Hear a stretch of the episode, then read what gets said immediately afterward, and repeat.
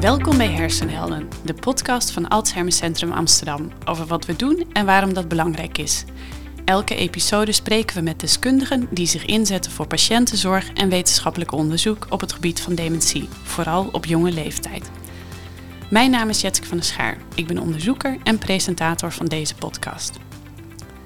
De diagnose Alzheimer confronteert je met de grenzen van het leven en de naderende dood. Vaak gaat dat gepaard met vragen en onzekerheid over wie je bent, wat je nu nog wel kan en straks misschien niet meer en wat dan eigenlijk de zin van dit alles is. Hoe ga je daarmee om en hoe geef je er betekenis aan? Aan tafel zitten drie gasten die zich hier ieder op hun eigen manier mee bezighouden, met een enorme betrokkenheid, passie en ook humor. Lenneke Post is gespecialiseerd in geestelijke verzorging, zingeving en spiritualiteit bij ziekte aan de Vrije Universiteit en Amsterdam UMC. Kamar Bonen biedt als zorgconsulente in Alzheimer Centrum Amsterdam voorlichting en begeleiding aan patiënten en hun naasten. En Johan Martijn Flaton is een gepensioneerde tekstschrijver van 76 jaar oud. Vorig jaar kreeg hij te horen dat hij Alzheimer heeft. Samen doen Lenneke, Kamar en Johan onderzoek naar levensvragen bij dementie en ontwikkelden ze een gespreksgroep die, daar, die daarin ondersteuning biedt. Lenneke, Kamar, Johan, welkom in de show. Dankjewel. Dankjewel. Ja, Johan, laten we bij jou beginnen. Uh, want waaraan merkte jij in eerste instantie dat er iets niet helemaal in orde was met jou? Twee dingen. Sorry. Um, het eerste was dat um, ik dingen begon te vergeten gewoon. En het tweede was dat in mijn familie dementie uh, tamelijk veel voorkwam. Dus mijn moeder kwam uit een nest van elf en daarvan zijn er zes zo dement als een deur afgelegd. En dat was een soort waarschuwingslichtje. Dus ik dacht, why not? En ik ben al patiënt bij uh, uh, VU. Dus gewoon aankloppen bij het Alzheimer Centrum en uh, tja, dat leidde tot onderzoek en uh, gesprekken. En uiteindelijk tot de constatering dat ik dus ook aangesloten ben bij de Alzheimer Stichting. Maar dan als betrokkene patiënt. Ja. Dus eigenlijk werd jou, jouw vermoeden of je angst bevestigd toen je de diagnose kreeg? Nou, angst, meer bezorgdheid. Ja, ja. Wat deed dat in eerste instantie met jou toen je hoorde dat je Alzheimer hebt? Moet mijn taal een beetje aanpassen, denk ik. Want ik was de eerste maanden niet te genieten. Ik was natuurlijk ontzettend boos. Ik was al een langlopende patiënt. En dan dacht ik eigenlijk dit ook nog bij. Waar heb ik aan verdiend? En dat zijn natuurlijk hele stomme vragen. Maar uiteindelijk toch niet zo stom. Want je wordt op jezelf teruggeworpen met die vragen. En nou, na een maand of twee, zeg maar, was ik uitgeraasd en dacht ik van, so what? Het gebeurt en uh, ik kan het niet tegenhouden. Jullie kunnen het niet tegenhouden. Dus uh, laten we er met kop en schouders in duiken. That's it. Ja, helder. En maar jij werkt hier op de geheugenpodie. Jij ziet uh, wekelijks patiënten en hun naasten. Ja. Hoe vaak merk jij dat ze met dit soort ja, levensvragen, noemen jullie dit, hè? Ja, uh, met dit soort vragen worstelen? Zijn dat uitzonderingen? Geldt het voor iedereen? Niet voor iedereen, maar het komt wel heel veel voor. En wat uh, Johan ook net zegt, hè, van het, daarna van waarom ik, waarom overkomt mij dit? Uh, nou ja, Johan, en na een paar maanden ben je er zelf achter gekomen van, nou oké, okay, het laat het rusten. Maar ook heel veel mensen hebben wel zoiets van, ja, ik kom hier niet uit. Ik struggle hiermee. Waar kan ik hierbij terecht? En die vragen, dat horen we heel veel. En uh, dat horen we dan ook weer terug als mensen voor een follow-up komen of toch een afspraak bij ons maken van ja, hoe ga ik hier nou eigenlijk mee om? Dat kan vanuit de persoon of met dementie zijn, maar het kan ook vanuit de naaste zijn van ja, ik merk dit bij mijn partner, maar hoe ga ik daar dan mee om? Dus eigenlijk horen we het heel veel. En vandaar ook is dat we nou, in samenwerking met Lenneke, dus de geestelijke verzorging, dat wij dit hebben opgezet. Omdat we zoiets hebben van ja, we komen daar als centrum eigenlijk nu iets te kort. Er is een vraag, maar we hebben nog geen aanbod daarop. Ja, ja, want dat wilde ik inderdaad aan jou vragen. Waar, waar konden mensen dan tot voor kort terecht met die vragen? Wie, wie was daarvoor om met die, ja, in, te begeleiden bij dit soort vraagstukken? Ja, dit kan um, nou ja, bij een case manager bijvoorbeeld. Maar doordat daar lange wachttijden zijn, kom je eigenlijk in een gat. En ik zie ook Johan jou nu knikken, hè, want het, ja, je, Zes maanden, ja, zo lang. En dat, ja, bij sommige regio's is dat nog wel langer, zodat sommige mensen wel tot een jaar moeten wachten. Ja, als je dan een jaar met die vragen loopt, dan wordt het heel lastig. Zo'n diagnose brengt heel veel met zich mee. Maar als je daar dan ook niet weet bij wie je kan aankloppen.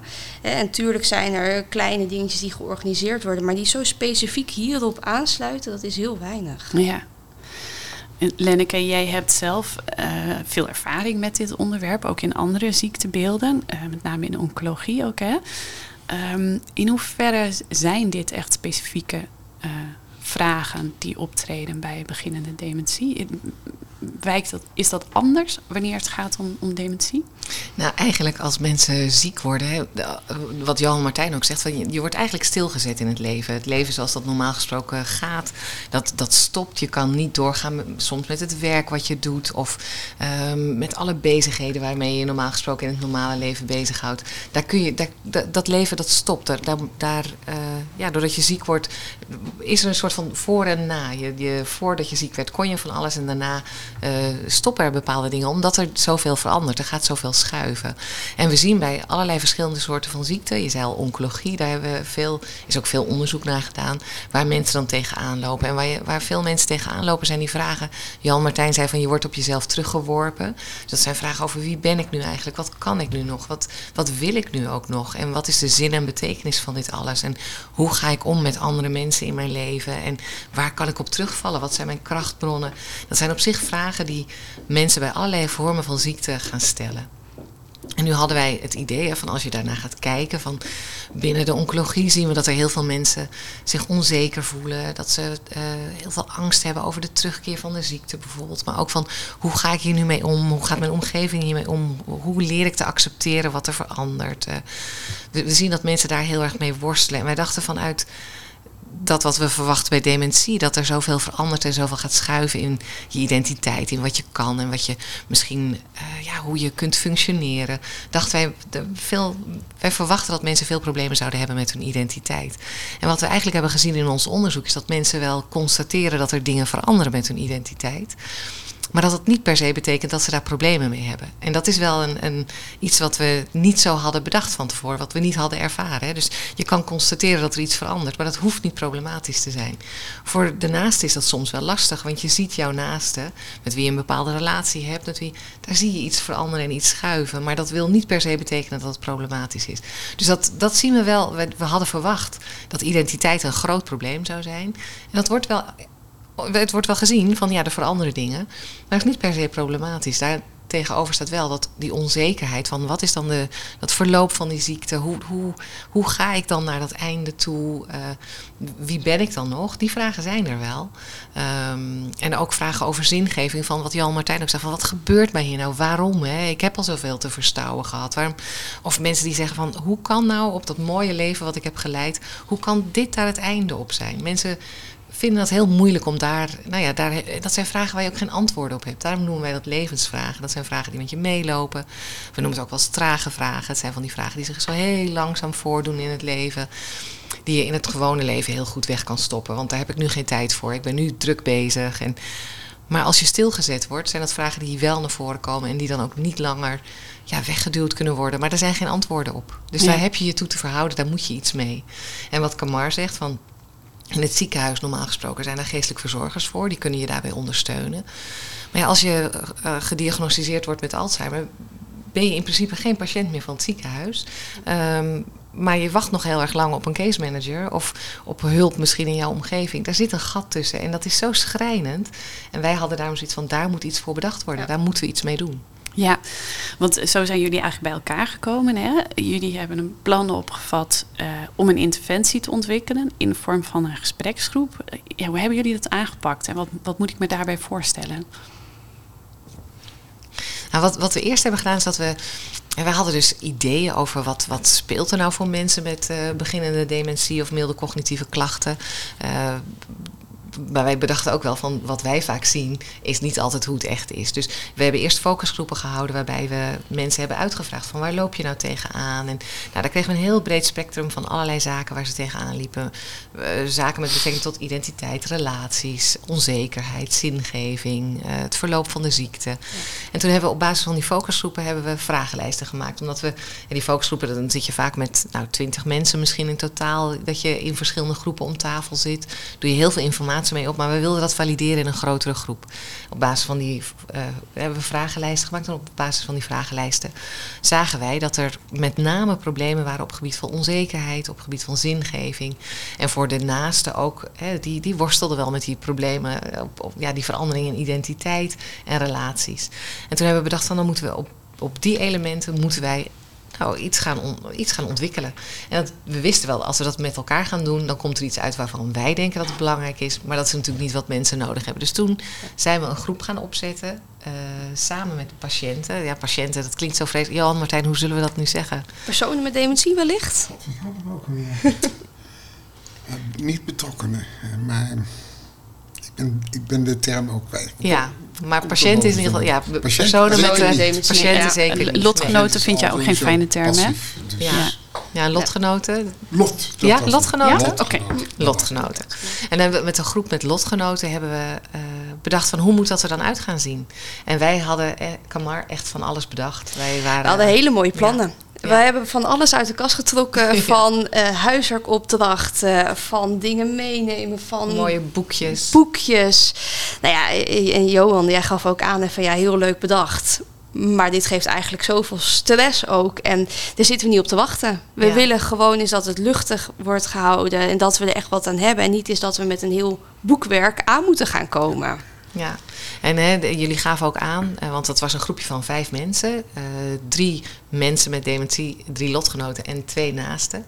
En uh, in dat groepje werd ook heel erg gezegd van begin nou bij ons. Ja, start nou gewoon bij ons. Wij willen gewoon gesprekken hebben met elkaar, onder elkaar, waarbij we wel door jullie ondersteund worden, maar het moet van ons uitgaan. Ja, Johan, jij, jij was een van die deelnemers aan zo'n gespreksgroep. Ja. Hoe was nee dat? Nee, nee. Ja, Jan heeft ook meegedacht over ja. hoe het eruit moest zien. Hè? Ja. Ja. ja, het is eigenlijk een dubbelrol. Maar hoe was dat voor jou om in één keer rond de tafel te zitten met onbekende mensen waar je toevallig een diagnose mee deelt? Als met alle gespreksgroepen is het als gewoon elkaar eerst aftasten.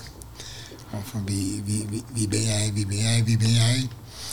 Um, en dan, ja, in, in de loop van. We hebben in totaal zes gespreksronden gevoerd.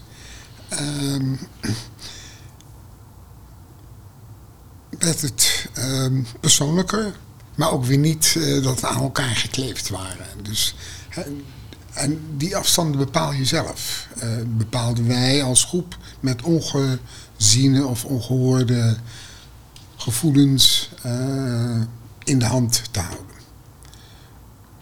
een beetje moeizaam. Maar dat is wel eens een beetje waar, waar, waarmee wij begonnen.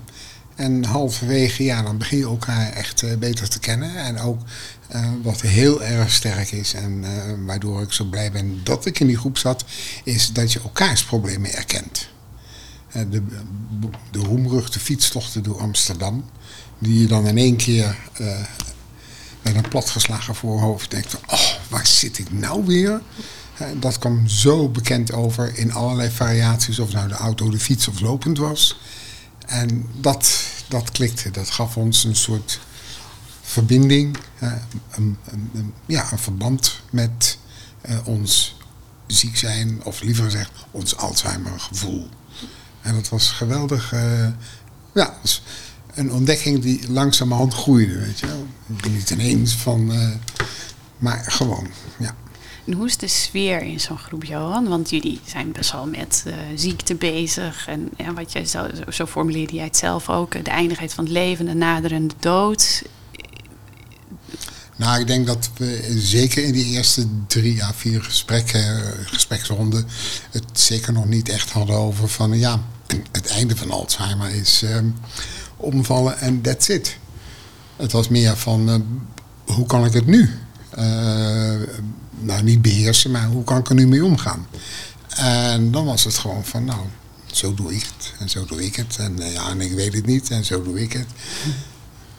Allerlei verschillende mogelijkheden werden afgetast in, in hele losse gesprekken. Ja, ook veel zelfspot, hè, vertelde je. Ja, dat hangt een beetje ook af van hoe, hoe je er zelf tegenover staat. En als je op een gegeven moment, nou, zoals mijn persoontje denkt van, nou ja, het zij zo. En dat is voor iedereen toch wat verschillend qua tijd. Van hoe uh, ervaar ik dit, hoe ervaar ik het. Dan, uh, dan zijn er verschillen. Maar zo klein dat we uh, ik, ik, loop een beetje vooruit al, dat wij besloten om nadat we die zes sessies gehad hadden, dat er gewoon spontaan met de, de hele groep, en dat werd er uiteindelijk zo'n 11, 12 mensen, uh, door het land gingen sjouwen. En dat hebben we al twee keer gedaan en het is ons uitermate bevallen. En dan hoeven we ook niet te praten over van god, hoe, hoe, hoe ging het nou deze maand? Nee, wel nee, we hebben lol en uh, we wandelen en we gaan naar musea en al dat soort dingen. Hele kleine dingen, maar voor ons hele grote dingen. En dat was heel erg fijn. Ja, je zei, je gaf net eigenlijk al heel duidelijk aan dat je niet patiënt genoemd wil worden. Nee. Um, en het, toen ik het hier eerder met jou over had, toen zei je ook: in deze groep voel ik mij geen slachtoffer.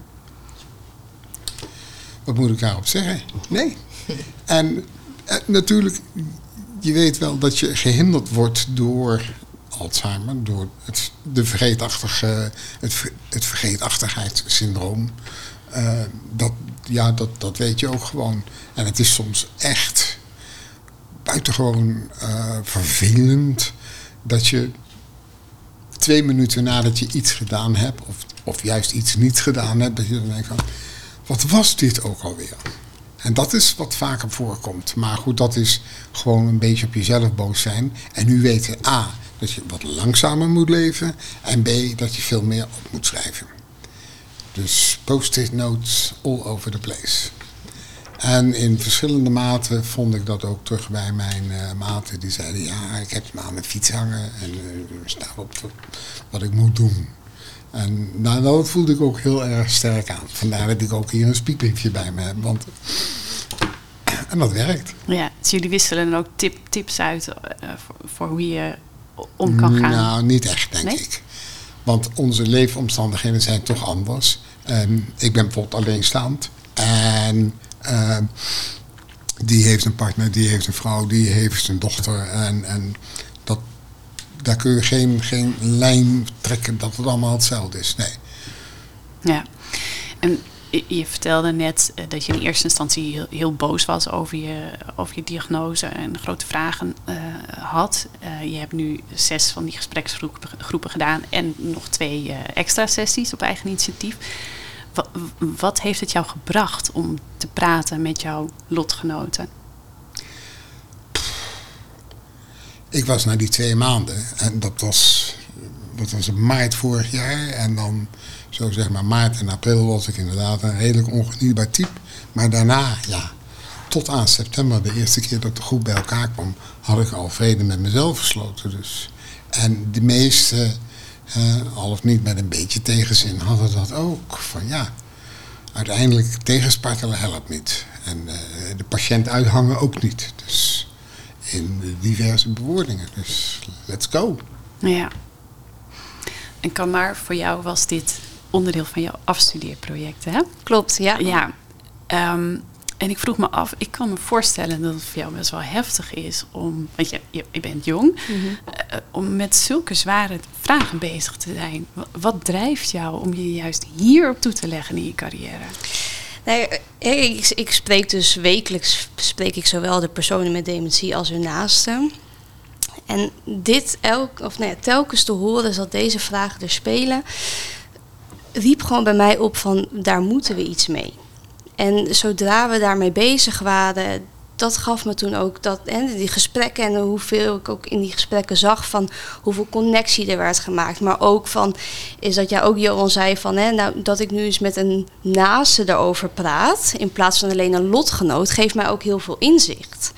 En toen dacht ik, ja, hoe mooi is dat eigenlijk, is dat ik dat daar een bijdrage in kan leveren. En dat geeft mij heel veel kracht, energie om dat ook verder uh, door te zetten. Dus het ge ja, wat me drijft is om dit soort dingen te organiseren. En ehm, ik ervaar het niet als zwaar. Nee, absoluut niet. Want je zou als buitenstaander ook kunnen denken dat je eh, een vorm van machteloosheid voelt. Hè? Omdat, omdat, het is natuurlijk een situatie die niet op te lossen is. En veel buitenstaanders vinden dat denk ik lastig. Maar, maar, jij duikt daar echt in en, en ziet dan toch blijkbaar dat het ruimte biedt of mensen weer kracht geeft om verder te gaan. Ja. Ik, ik zie het ook aan je ogen. Ja, ja. kijk, en ik, we organiseren ook supportgroep voor andere vormen met dementie. Dus ik wist al een beetje met dat in mijn achterhoofd van hoeveel dat voor een bijdrage levert. Bij, bij de ziekte, bij het accepteren, dat, bij het verder gaan. Hè, na het krijgen van de diagnose.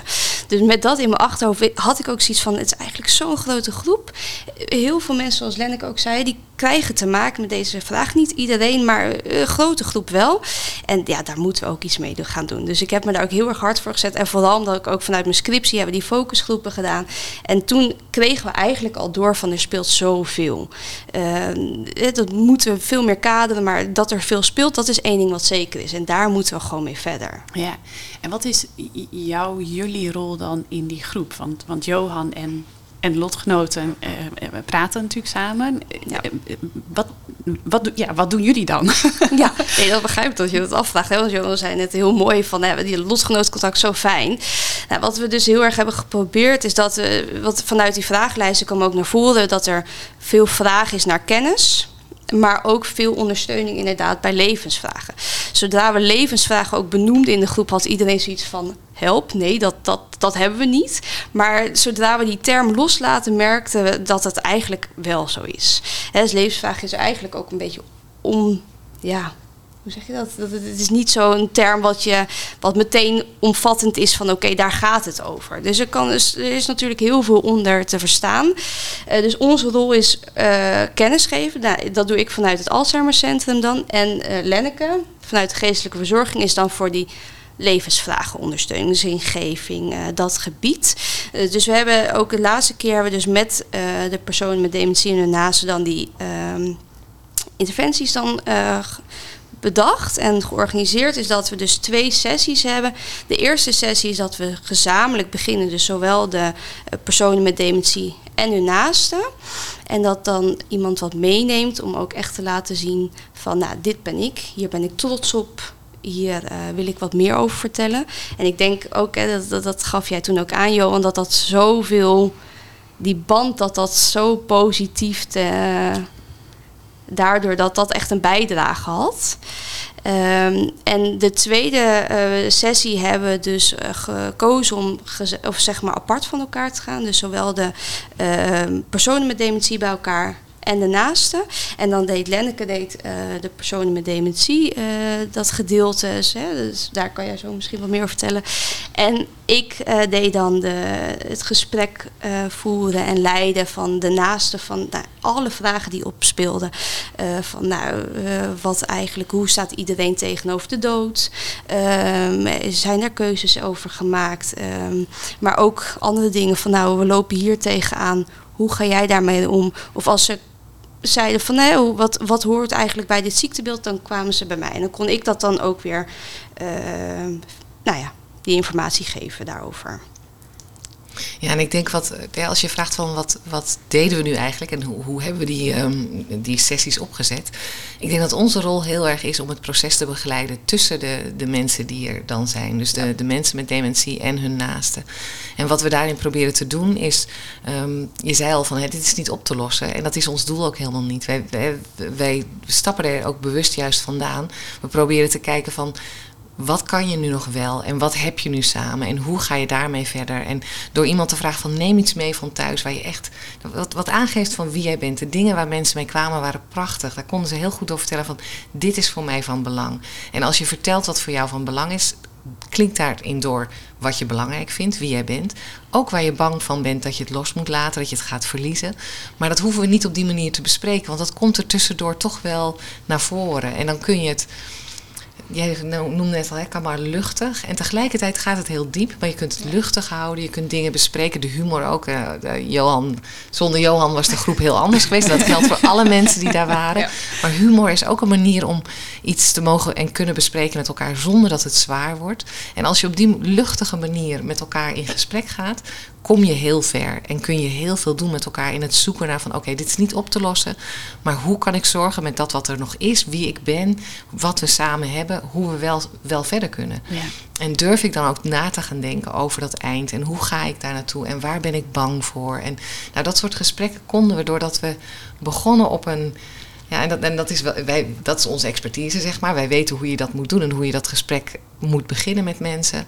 Uh, door ze op hun gemak te stellen, veilig te laten zijn. En, en vooral te kijken naar van wat is er en, en wat klinkt daarin door van wat je bang bent te verliezen. En hoe kijk je naar dat eind. En ik denk dat, dat we vooral daarin, hè, wij proberen vooral de, het gesprek te begeleiden. En als je het hebt over deskundigheid eh, op gebied van hoe ga je hiermee om, die zit natuurlijk niet bij ons. Die zit juist bij de mensen die er elke dag mee te maken hebben. En om dat proces te faciliteren en te faciliteren dat zij met elkaar in gesprek kunnen gaan, dat is de kracht van zo'n interventie. Hè. Dus het, we noemen het begeleid lotgenotencontact. Ik weet niet of dat de lading dekt, maar wij begeleiden vooral dat proces, zodat Johan Martijn en de anderen uh, van elkaar, ik wilde zeggen van elkaar kunnen leren. En dat is niet alleen het doel, maar dat gebeurt er natuurlijk wel een beetje. Want je wisselt uit, je herkent bij elkaar, je erkent bij elkaar. En uit de evaluaties hoorden wij ook dat juist dat herkennen en erkennen hè, van ik ben niet gek, hè. Dit is heel normaal dat ik hiermee worstel. Dit is, dit, hier worstelen de anderen ook mee. Hier loop je tegenaan. Je zei net al even, Jan Martijn,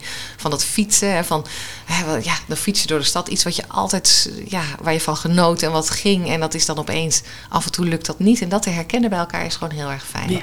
En dat te erkennen en en niet alleen over dingen als fietsen, maar ook van hoe kijk jij nu naar de dood? Waar ben je bang voor? Wat zijn je diepste angsten? Uh, mensen hebben andere mensen gezien met dementie. Uh, zeker als het genetisch is. En daar speelt heel veel in mee. En om dat aan te kunnen kijken en daar samen dan naar te, dat durven aangaan. En daar ook je verdriet over te mogen uiten, dat is, dat is heel erg cruciaal, denk ik.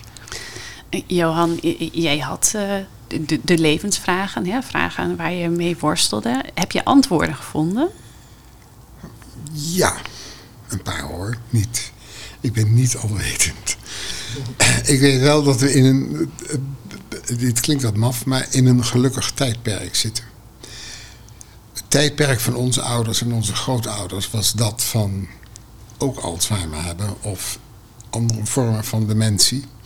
En dan dus langzaam, met tegenzin, maar uiteindelijk naar de rand van het leven gedreven worden. Wij daarentegen, en dan zeg ik even als gemiddelde leeftijd 70, 75, um, wij hebben de mogelijkheid om het een beetje bij te sturen. Niet om het tegen te houden, maar om het bij te sturen. Om zelf dingen te regelen. Het bekende levenstestament en dergelijke. Dat was 10, 15, 20 jaar geleden ondenkbaar. En dat is een, uh, nu spreek ik echt alleen voor mezelf, een enorme steun geweest om te weten dat ik die stappen kan ondernemen voordat ik geen stappen meer kan nemen. Maar dat geldt in de diverse variaties ook voor de anderen. Het was duidelijk dat angstgevoelens voor de dood en wat uh, daarna volgt, dat, dat komt niet zoveel te sprake. Het kan wel, maar. En dan vaak in hele losse opmerkingen. Maar daar, dat, dat, dat pik je van elkaar wel op. Maar over het algemeen vond ik, en vind ik nog steeds, dat we. We hadden eigenlijk wel. Hadden, het woord lol in ons leven is iets te lollig, maar ja, wij konden ons schikken in dit leven. Wij konden het. En wij kunnen het nog steeds natuurlijk. En dat vond ik uh, enorm belangrijk. Wat mooi. Ja, toch? ja, ik zit soms op een preekstoel, dat weet ik. Wij uh, hadden uh, afgelopen dinsdag een voorgesprek over deze podcast. En uh, toen vroeg ik ook aan Kamar van, ja, hoe, hoe, dat voor jou was om met deze vragen bezig te zijn. Weet jij nog wat je toen zei, Johan? Toen zei jij. Niet zo goed meer. Nee, toen zei jij. Um, in die, in die gespreksgroepen ging het eigenlijk altijd alleen maar over ons en hoe wij omgingen met die oh, vragen die wij hadden. Ja, je weet het weer, hè? Komt bovendrijven, ja, van hoe jullie zelf als uh, initiators van deze groep, hoe jullie zelf daar tegenaan keken. Ja, toen zei je, dat hebben wij eigenlijk nooit gevraagd aan jullie. Nee, niet direct. Maar je kan het ook als een compliment ervaren dat jullie niet ehm, afzijdig stonden of door ons afzijdig werden gezet. Maar dat jullie een onderdeel van de groep waren. Oh ja. Vanuit jullie eigen professie en jullie eigen persoon. En dan komt zo'n vraag niet direct naar boven. Want we hebben de vragen ook niet aan elkaar rechtstreeks gesteld. Nee, dat is misschien ook niet iets wat Dus- je op die manier vraagt. Ja. Maar oké, eh, die vraag kwam er. Nou, ik, ik, eh, ik haal het terug. eh, niet om jou in verlegenheid te brengen, maar omdat ik zo ontroerd was door wat Lenneke daar toen op zei.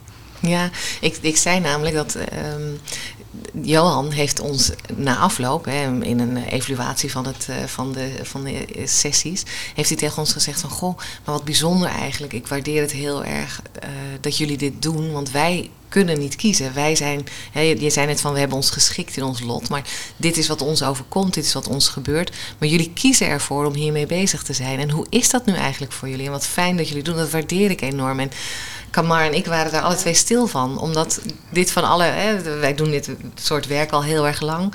En dit was de eerste keer dat iemand aan ons vroeg: van hoe is dat eigenlijk voor jou? Ja. En wat betekent dat voor jou? En eh, als je dan na gaat denken over die vraag.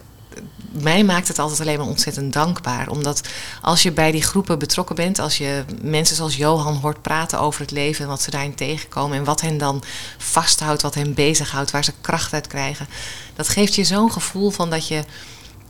Je mag getuige zijn van dat wat er belangrijk is in het leven, van dat waar het echt om draait. Hier gaat het om, dit zijn de dingen waar het om gaat. En als je daar in het gewone dagelijks leven eh, aan, in mee mag kijken, eh, aan mee mag werken, bij mag dragen, dan ben je een heel dankbaar mens. Dus, maar Jan Martijn was de eerste die daar naar vroeg naar ons toe van hoe is dat eigenlijk voor jullie? En dat, dat maakte ons. eh, we waren er echt even stil van. Omdat Ja. we ook inderdaad nog nooit zo naar... Of ik, als ik voor mezelf zou spreken... nooit zo voor naar deze situatie zo had gekeken. Van hoe eigenlijk het voor ons was. En dat toen zette dat me ook aan het denken. Toen hebben we het er ook over gehad. Hè, van ja, wat, wat doet dat eigenlijk met ons? Dus we vonden het heel mooi dat je dat toen eh, naar ons gestuurd had, Johan. ja. Dank je wel nog daarvoor. Ja. Johan maakt nu VL strijkbewegingen. Ja. Wordt wat verlegen, heb ik het gevoel. Ja, ja. En maar, Maar- jullie noemen nu ook hè, waar het echt om gaat in het leven, de dingen waar je kracht uit haalt. En dan is het natuurlijk mijn vraag, maar, maar wat zijn die dingen dan? Wat zijn dan de dingen waar het echt om gaat in het leven? Waar jullie kracht uit halen, die zin geven aan het leven? Kleine dingen. Dingen die je kan overzien. Dingen waarvan je denkt van nou dat, dat red ik nog wel. Heb je een Ik- voorbeeld? Ehm, ja, muziek maken. Ehm, waar we vroeger dus, en ik zat in een groepsverband in een klein eh, co- consort. Daar stortten we ons zeer enthousiast op groot werken. Of we er iets van terecht wachten was het tweede punt. Maar het eerste punt was, we waren bij elkaar, we maakten muziek. En we trokken, in dit geval de heer J.S. Bach, ehm, helemaal aan of uit. En dat was geweldig. Nou, vandaag de dag denk ik, dat red ik absoluut niet meer. Ook niet in een groep. Ehm, ik vergeet het notenbeeld eh, zodra ik mijn rug eh, hè, of, eh, of ik me omdraai. Dus eh, ik moet wat bijstellen. En dat gaat vrij geleidelijk en zo. En dat ging ook met het wandelen van eh, de groep toen wij eh, daar in, ergens in november. God nou ik, ik ben compleet vergeten waar.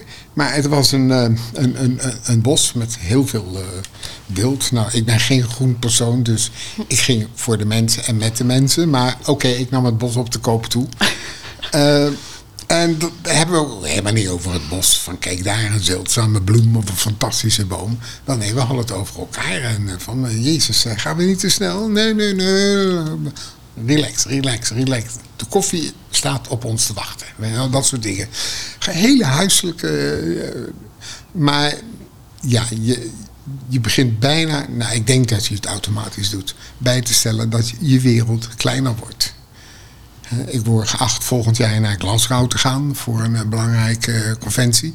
En ik denk dat ik het ook best zal halen.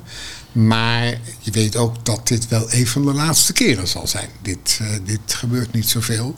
Uh, als ik nu al opkijk tussen, tegen Amsterdam Maastricht. Als ik daar eens moet zijn voor het laatste overlevende familielid. Nou, dan...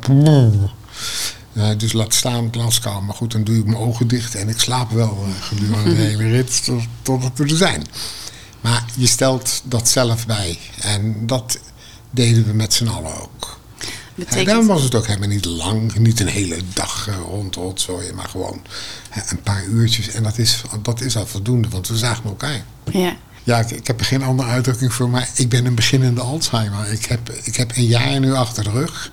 Ik merk dat dat korte termijn geheugen inderdaad uh, een Zwitserse kaas is. Dus oké, daar heb ik me ook bij neergelegd. Maar het lange termijn geheugen, dat, dat werkt nog wel. Als ik mij van 50 jaar geleden nog concerten of mm-hmm. auteurs kan herinneren, dan denk ik van, oh, dat zit wel goed. Nee, het is juist het, het, het, het, het nu waar de bokken gaan vallen. Ja. En dat zal steeds verder gaan, maar ik maak me daar op dat moment en op dit moment ook geen zorgen over. En in de toekomst helemaal niet, want dan weet ik het niet eens meer. Ja. Maar het, het, het triggerde een beetje omdat je zei dat je je ambities bijstelt. En, en ja. uh, ook in het muziek maken, uh, het wat kleiner maakt. Vroeg ik me af of je dan ook meer geniet. Niet meer. Van wat wel kan. Nee, want een groeps, ik ben een groepsmens. Dus uh, je mist je consort in dit geval. je mist je praatgroepen over politiek en god knows wat. waar ik vroeger veel meer in zat. Maar ik heb er geen spijt over. Ik weet dat dit gewoon een gevolg is van het feit dat ik Alzheimer heb. Ik ontken het. Ik ben in ieder geval never. En ik geloof niet dat de meeste. Nee, geen van ons deed dat. Het ontkennen van. Ja, maar nee. We hebben het, dus leren mee te leven. Daar kwam het op neer. En ik denk dat we daar een paar stapjes in gezet hebben. Ja, en ik, als, ik denk dat uh, wat je ziet is dat, dat je heel erg gaat genieten van wat er nog wel kan. Hè? Dat je gaat zoeken. Want als je het hebt over, je vroeg van wat, wat is dan zingeving en wat geeft dan zin aan het leven? En dat is voor iedereen natuurlijk verschillend. Maar over het algemeen, als je het hebt over zingeving, kan het over een aantal dingen gaan. Het kan gaan over het sociale, over dat wat je met andere mensen doet. Hè. Johan zegt ook van ik ben een mensenmens. Ik, uh, de, de groep samen zijn met anderen is voor mij belangrijk. Dat, dat kan uh, voor mensen een, een bron van zingeving zijn. De relaties die je hebt en wat dat voor je betekent. Maar ook bijvoorbeeld de natuur kan een bron van zingeving zijn. Niet voor Johan. dat, dat, dat, dat is, ja, dat is voor iedereen anders. Of, maar er zijn ook mensen die uh, het, het grotere geheel, hè, dat kan iets uh, religieus zijn, maar dat kan ook iets met de natuur te maken hebben. Of, dus mensen kunnen op verschillende manieren kunnen ze zin geven aan het leven.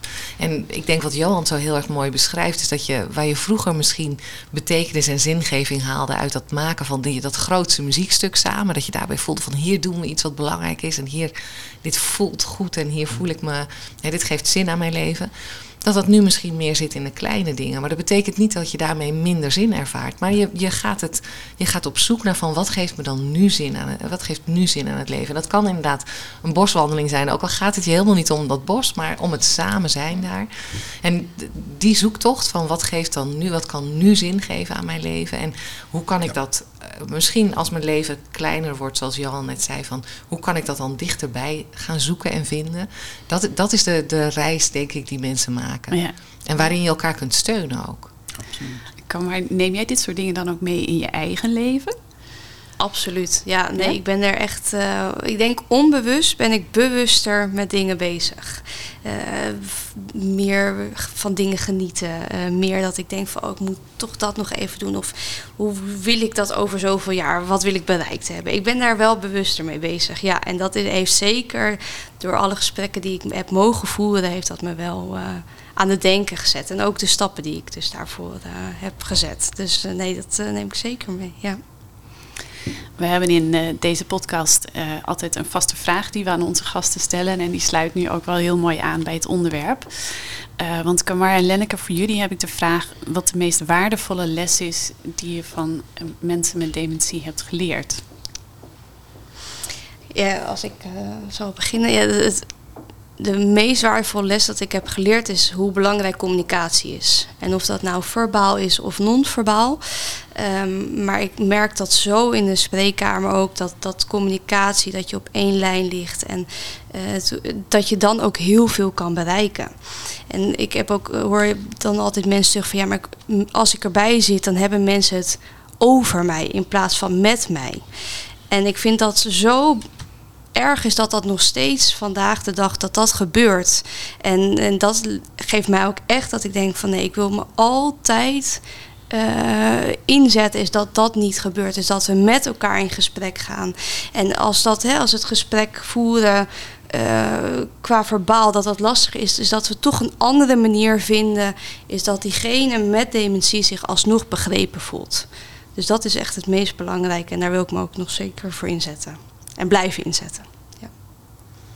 En voor mij is het heel erg dat wie je bent, dat dat niet zo afhankelijk is, afhankelijk is van wat je doet of wat je kunt doen in het leven, maar dat dat afhankelijk is van heel andere zaken.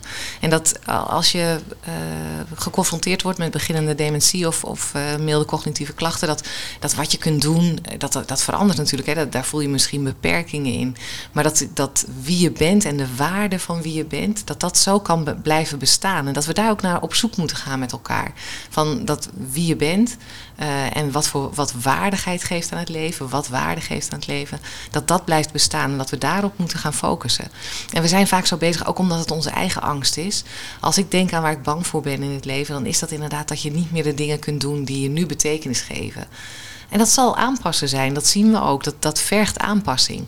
Maar dat betekent niet dat jouw leven minder waarde gaat krijgen of dat jij als persoon zult deels zul je veranderen, maar wie jij bent zal echt in stand blijven. Dat zal waarde houden. En ik vind dat, dat te mogen zien en te mogen ervaren. En uh, dat, dat vind ik, dat is de grootste les die ik heb geleerd. We, we, kijken vaak zo naar identiteit als van dit is wie ik ben. En dat heeft heel vaak te maken met wat we doen en wat we hebben. En en um, wie, wat we zijn, of wie we zijn, is echt nog iets heel anders. En wat daar de waarde van is. En dat, dat heb ik heel erg geleerd van de mensen in de focusgroepen en in de, in de interventie.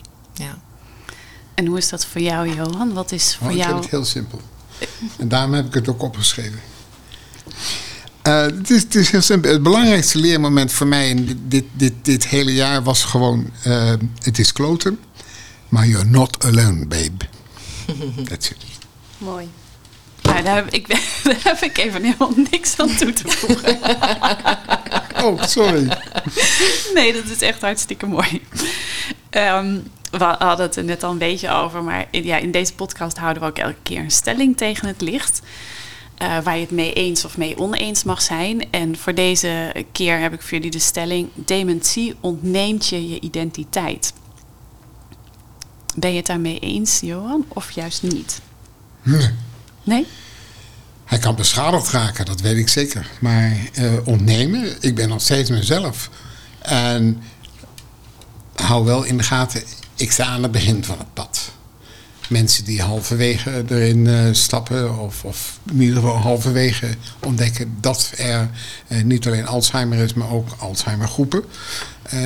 die kunnen dan daar iets wat anders op reageren. Maar ja, ik, ik, ik ben ik. En ja, misschien is dat van mij alleen, weet ik niet. Uh, maar uh, als ik in de spiegel sta, lieg ik niet hoor. Dus, that's it. Volmondig nee voor jou op dit Volmondig moment? nee. nee. Ja. Nou, ik ben het er ook absoluut niet mee eens. Ontneemt je identiteit. Identiteit is iets wat zich gedurende het leven ontwikkelt. En wat steeds weer verandert. En daar hoort zoiets als ziekte ook bij. Dat verandert je. En dus ook Alzheimer, dat verandert je.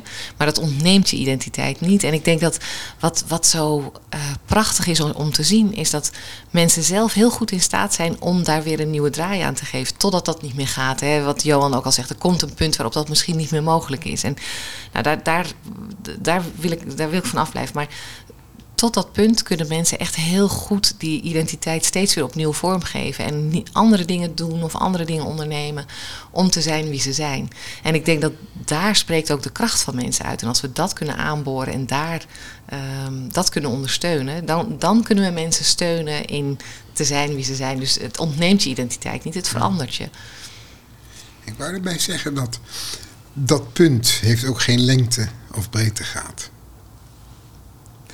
Kun je, kun je dat verder uitleggen, wat je daarmee bedoelt? Omdat het punt voor ieder van ons verschillend is. Ja. ja. En dus is het inderdaad een punt, uh, zo je wilt, een filosofisch punt, een persoonlijk punt. Maar het zegt niks over jouw identiteit als zodanig. Nee. Dus vandaar dat ik zeg nee. I am me. Zelfs over vijf jaar. En dan heb je dingen in beweging gezet. En again, dan kom ik weer even terug op de tijd, het, tijdperk waar we nu in leven. Dat je daar een, draai aan kan geven die dus voor jou, hè, voor jou persoonlijk zinvol is.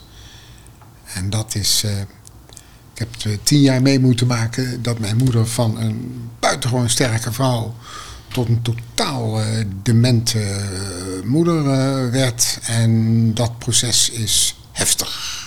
En misschien dat dat voor mij dan ook meespeelde om later daar zelf ook wat meer over na te denken. Zelfs voordat je Alzheimer kreeg, of ik Alzheimer kreeg. En dan denk ik van ja, goed, hoe dan ook. zelf neem ik die uiteindelijke beslissing. En daarna geef ik het over aan de handen van vrienden, magen en bekenden. Ja. Maar dan heb ik tot zover, tot zover, dat is een mooie, dan, dat vond het museum ook, tot zover uh, was ik er zelf bij. Ja, wat je ook verliest. Er zijn altijd keuzes die je nog kan maken. Ja ik eh, vind het een hele mooie, troostende boodschap om mee af te sluiten. Dat je je identiteit altijd behoudt en, en dat die mee ontwikkelt. Maar ik heb nog een allerlaatste vraag voor Kamar. Uh, want als mensen nou luisteren en denken van... Goh, ik zou eigenlijk ook wel zo'n um, begeleid lotgenootcontact willen over dit soort vragen. Waar kunnen ze dan terecht? Nou, we zijn heel hard uh, bezig om er nog een vervolg aan uh, te mogen geven. Dus we, we zijn heel, uh, we proberen daar stappen in te zetten. We proberen ook case managers hiermee te, te betrekken, zodat het meer in de eigen regio op gestart kan gaan worden. Dus nu echt hè, punten van daar kan je terecht. Nee, dat hebben we nog niet, maar we zijn er heel hard mee bezig. En we proberen dus een doorstart te maken. En dat we dit nou ja, vanuit het centrum hopelijk dat het uiteindelijk dat we dat uh, blijvend mogen uh, aanbieden. Nou, ik hoop van harte dat dat van de grond komt. Johan, Lenneke, Kamar, ik wil jullie enorm bedanken dat jullie over deze vragen wilden vertellen in de podcast. En jullie moed om ja, deze thema's onder ogen te zien uh, en daar met zoveel passie en ook vooral humor over te vertellen, uh, vind ik heel bijzonder. Ik heb veel van jullie geleerd en ik hoop dat uh, ja, onze luisteraars ook iets hebben gehad aan de wijsheid die jullie hier aan tafel hebben gedeeld. Dus ontzettend bedankt daarvoor. Dankjewel, Jessica. Dankjewel. Merci. We hebben deze episode opgenomen op 11 mei 2023 in Alzheimer Centrum Amsterdam. Met dank aan Mark Brouwer die achter de knoppen zit. In de show notes van deze aflevering vind je meer informatie over de onderwerpen waar we over spraken. Wil je meer weten over Alzheimer Centrum Amsterdam? Dan vind je ons op Twitter, Facebook, Instagram en LinkedIn als je zoekt op Alzheimer Centrum Amsterdam. Heb je een vraag of opmerking over deze podcast? Stuur dan een mail naar hersenhelden.amsterdamumc.nl. Tot de volgende keer.